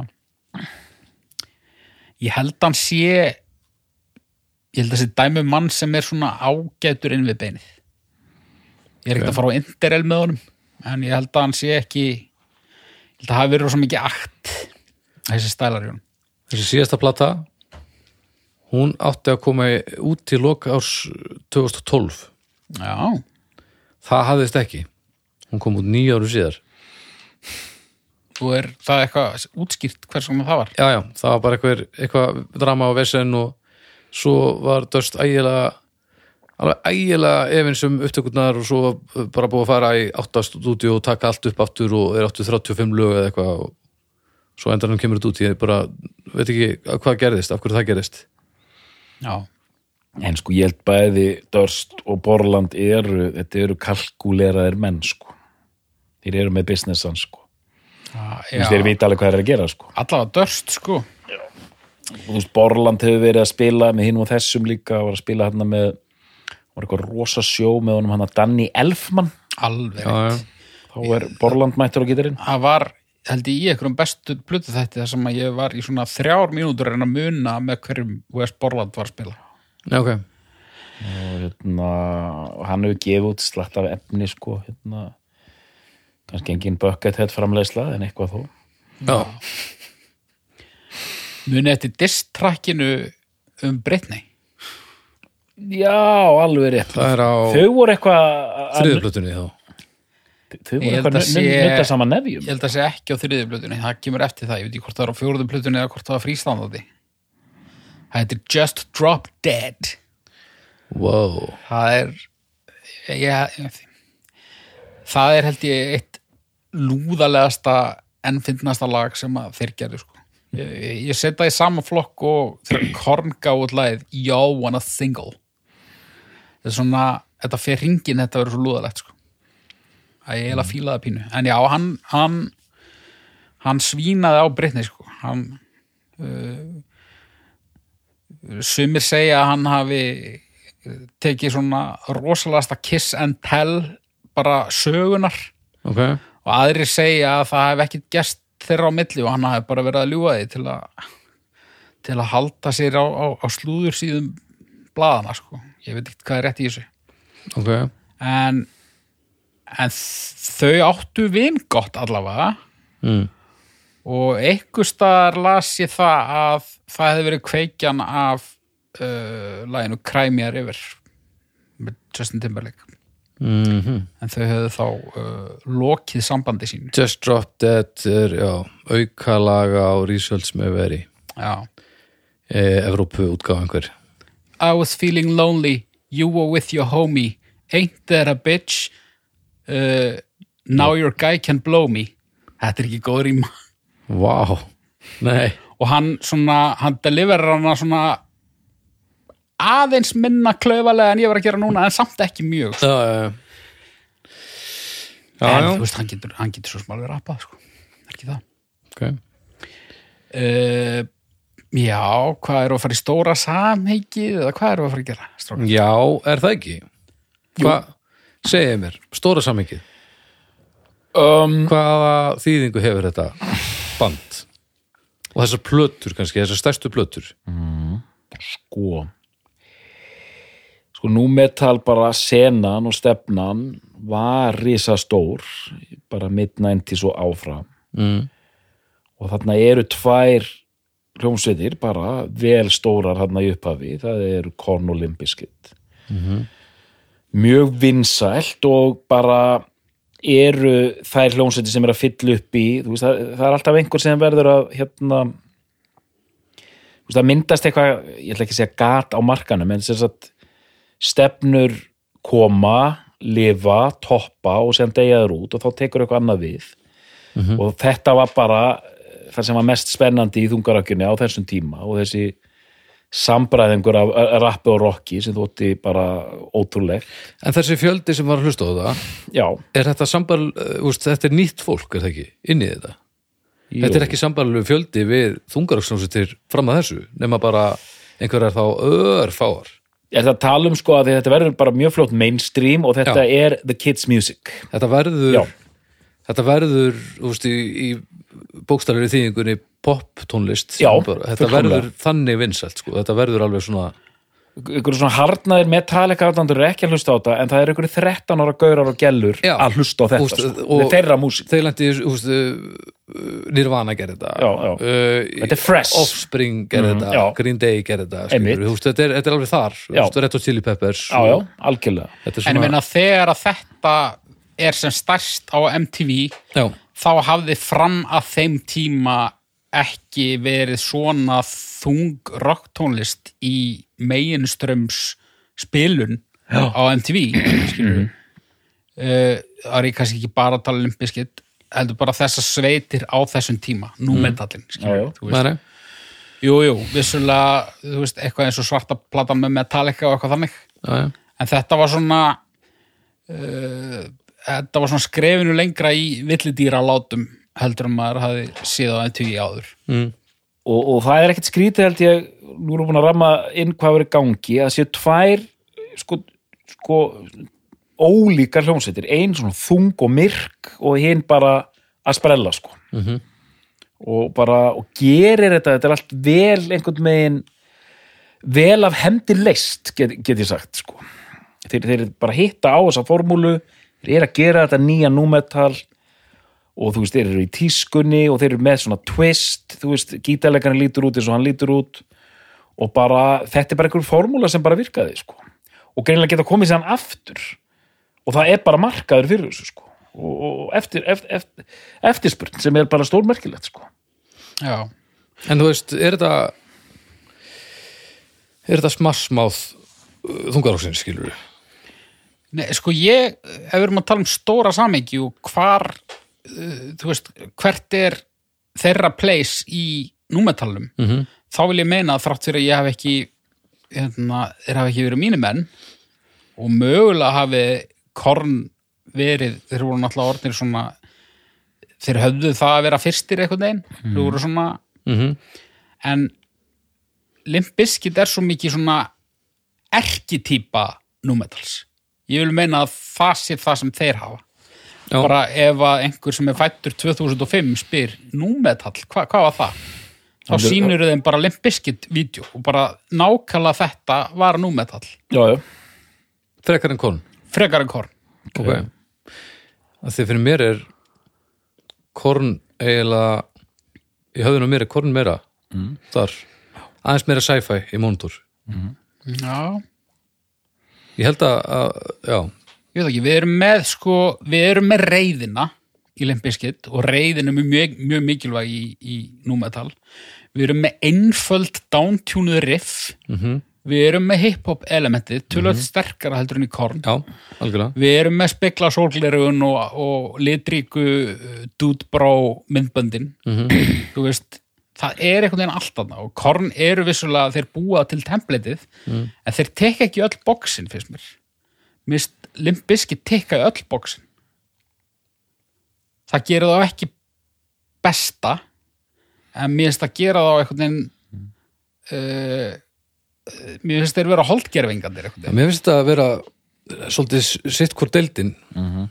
að því að við erum með svona tribal sci-fi uh, vannlíðan í korn.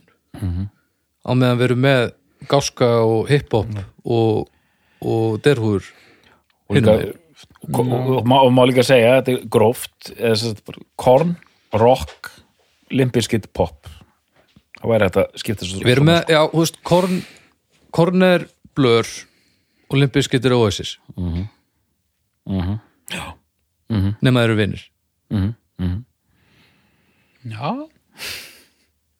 Já, já. Veist, það er hægt að færa rökk fyrir báði mm. Korn, Korn Stones, þú finnur alveg, alveg træbal ángist í einhverjum limpiskillögum sérstaklega á fyrstu plötunni Mm. en þú finnur líka alveg hip-hop sprell á kornplötum þetta, þetta smitaðist alveg á milli og ég já. þeir voru gestir í lögum hvors annars og, og það allt þannig að þetta er ekki hérna, þetta er ekki tvent alveg aðskilið en, en ég skil hvað átt við. Þetta, er, þetta eru svona tvær greinar á, á sama trí Mm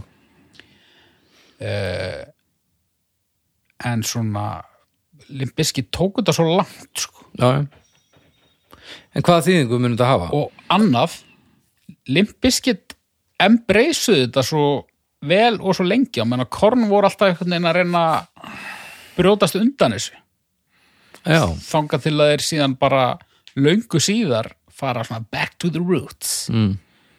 Eitthvað sem hvaða þýðingu? Hvað þýðingu hefur uh, til, uh, mun limbiskit hafa eftir 50 ár. 50 ár, 100 ár? Ég er ansi rættur um að þeirra staður í tónlistasögunni verði svona eitthvað skonar aðhláturs efni sko. Heldur það? mögulega óverðskuldað Já, ég ætla að segja þetta líka þetta Óla sem er stundum nota þetta sætgæst að þeir fanga þeir bara fönguðu tíðan þetta sko. Já, þetta er náttúrulega rosalegt moment. Já, bara moment. En þeir eru síðan einhvern veginn á milli Korn og, og Linkin Park. Mm -hmm, svona einhvern veginn í þessu öll saman.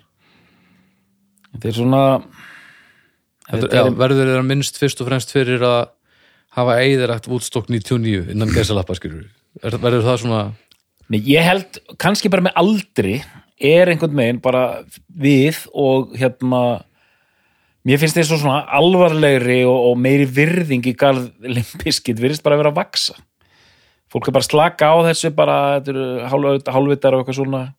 Nú eru bara konni menn hérna á, á 50 40 og 50 aldri bara að spjallum limpiskit sko, það bara þarf ekki lengur að vera með eitthvað yfirdröld sko en samt er það og, og þar kannski er ég að gaggrina sjálfa mig en, en ég held að ég sé samt uh, ég er ekkit í neinum stellingum þetta er á þessum svona þetta er allt gott og blessað nótum sko. það er voða lítið um það að menn séu bara all in á gamalsaldri eitthvað, að pæla. frábærir þeir sem eru á, á ból úst, metallica liðir en með nefan jafn harkala á lofti og í upphafi sko. Já, einmitt, einmitt. Þegar þeir eru að hlusta á gamla dótið og, og kistlið er ennþá galið skilur við og er, erum við með þetta? Er einhver ennþá bara að, með býrbóngið Já. bara uh, 50 eða hvernig liggur þetta? það verður mjög áhugavert að sjá viðbröðin við þessum þætti inn á umröðahófnum sjá hverjir bara koma hérna hlaupand inn á völlin bara yes. Þegar ég heyri þetta núna upp á síkastið þá er það svona vinirna hittast og hlusta á nostalgíu tónlistina og finnst þetta ennþá geggjað.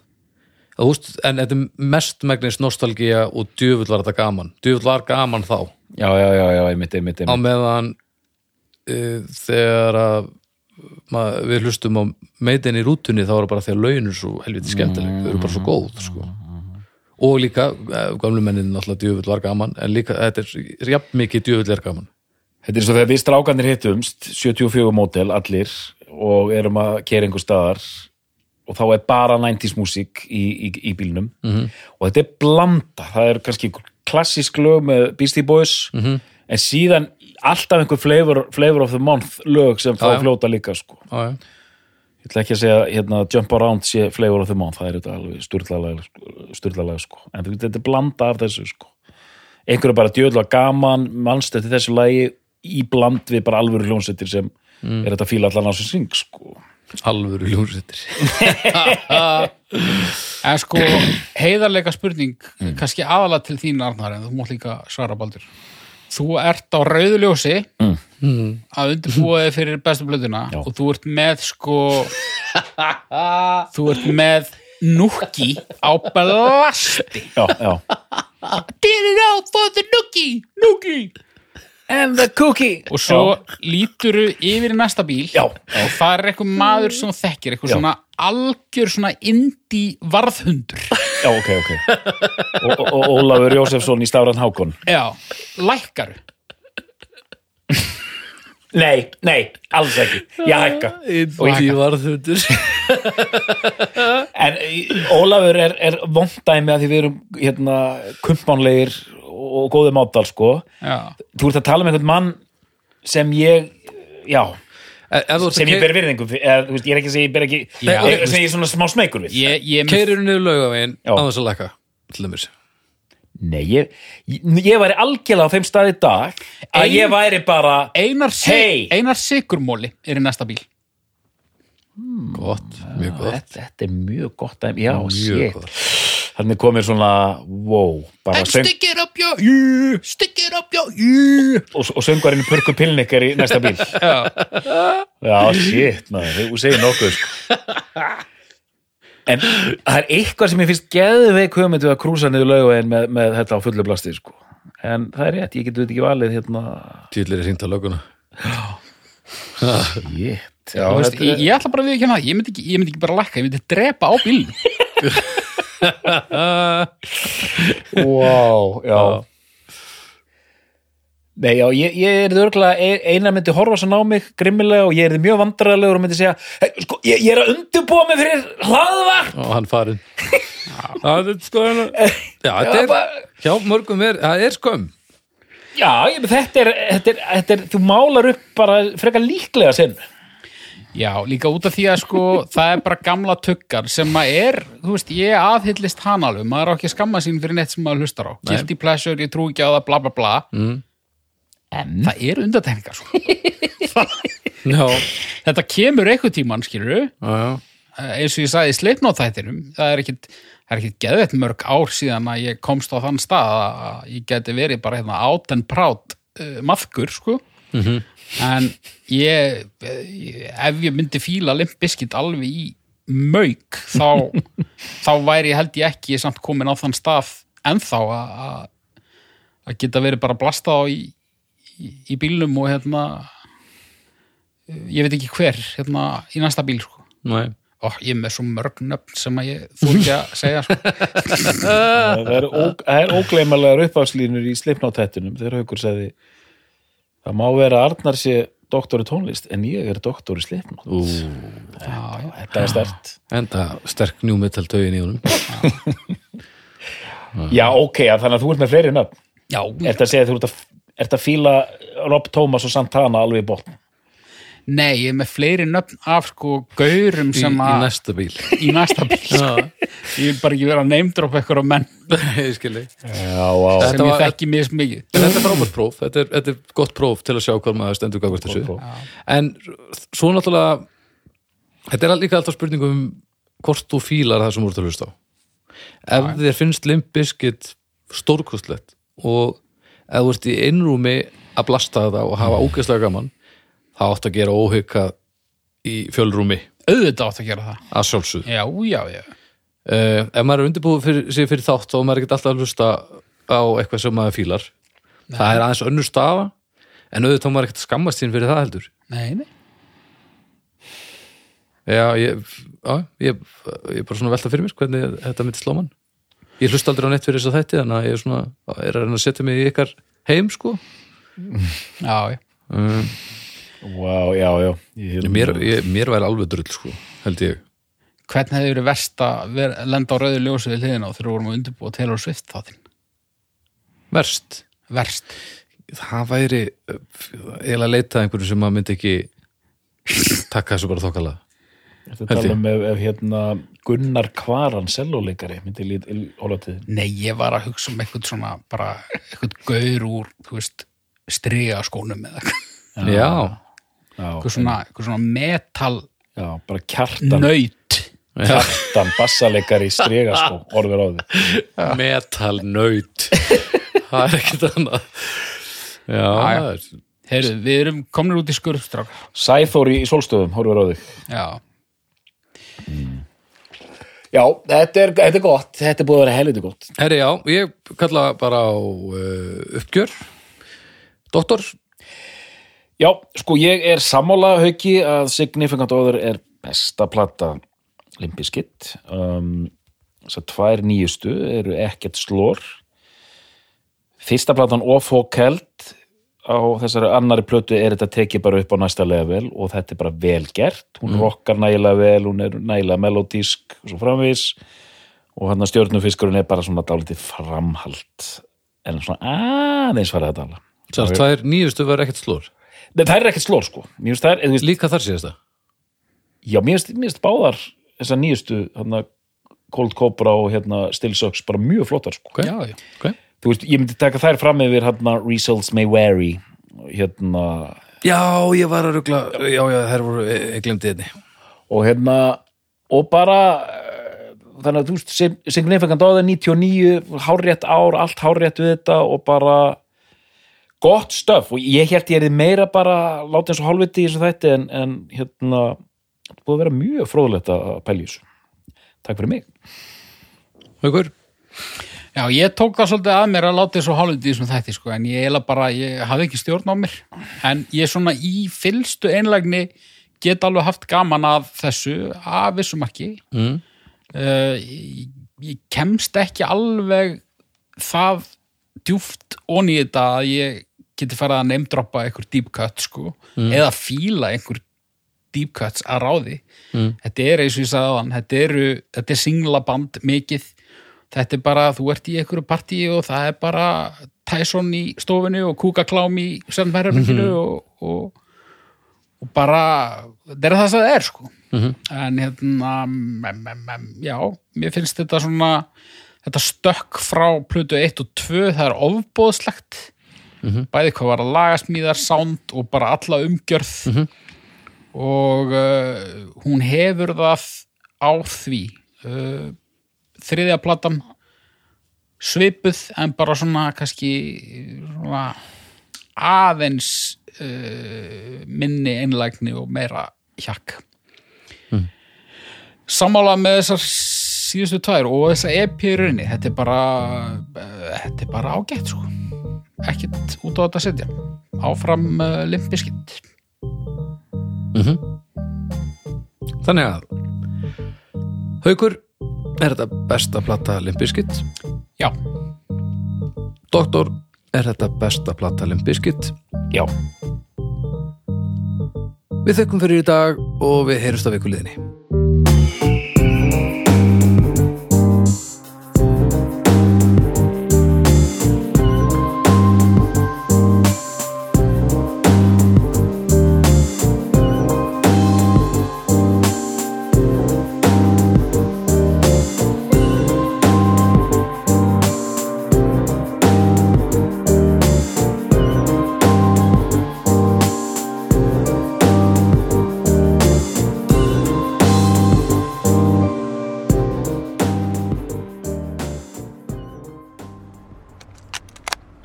Sjóvá tryggir rattirnar í höfðun á þér. Sjóvá er sérlegur bakkjarl hljóðkirkjunar.